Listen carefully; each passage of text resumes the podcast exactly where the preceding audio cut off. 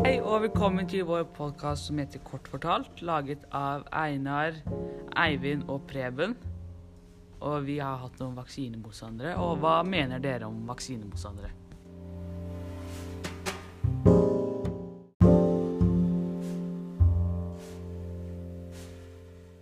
Så det jeg mener om vaksinemotstandere, er at de som blir vaksinemotstandere, mener at det er en helserisiko å ta disse vaksinene.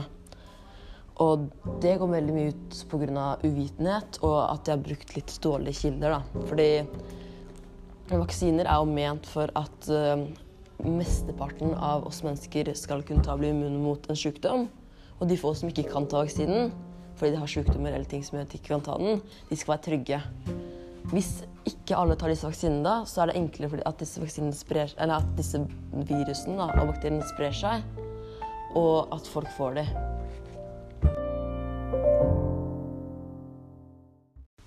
Ja, og det var jo gjerne forskeren eh, Andrew Wakefield som blir sett på han som startet trenden mot vaksiner. da.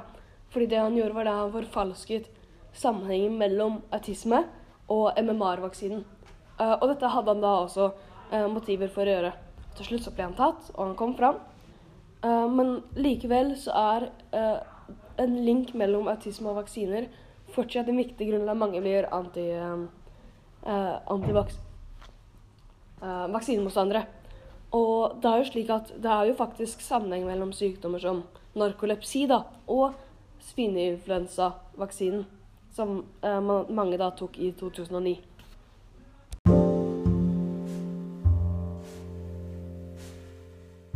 Så grunnen til at mange folk er vaksinemotstandere, er det at de mener at, uh, at vaksiner bare er en måte for myndighetene å ta og skamme oss den vanlige befolkningen og suge ut penger fra oss. Da, fordi det koster ganske mye disse vaksinene å få inn. Og de er også redde for at de har putta inn kjemikalier som er farlige for kroppen til oss mennesker, som kvikksølv og aluminium. Men begge disse tingene er jo en såpass liten, konsentrert mengde at det ikke er farlig for oss, da. Altså, De har jo sine grunner til at de er vaksinemotstandere. Folk har jo alltid vært skeptiske til nye ting. Sånn som når gatelysene uh, og strøm ble introdusert før, så var det mange som ikke var klare for det i det hele tatt.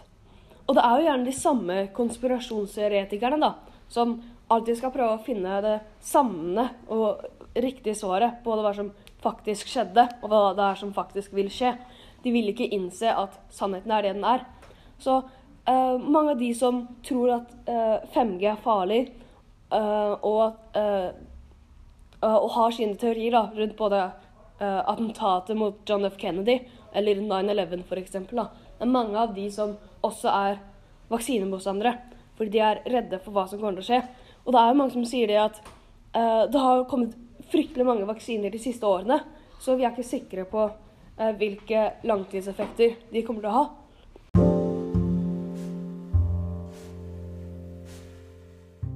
Nå har dere fått høre litt om hvem som startet den nye vaksinemotstanden.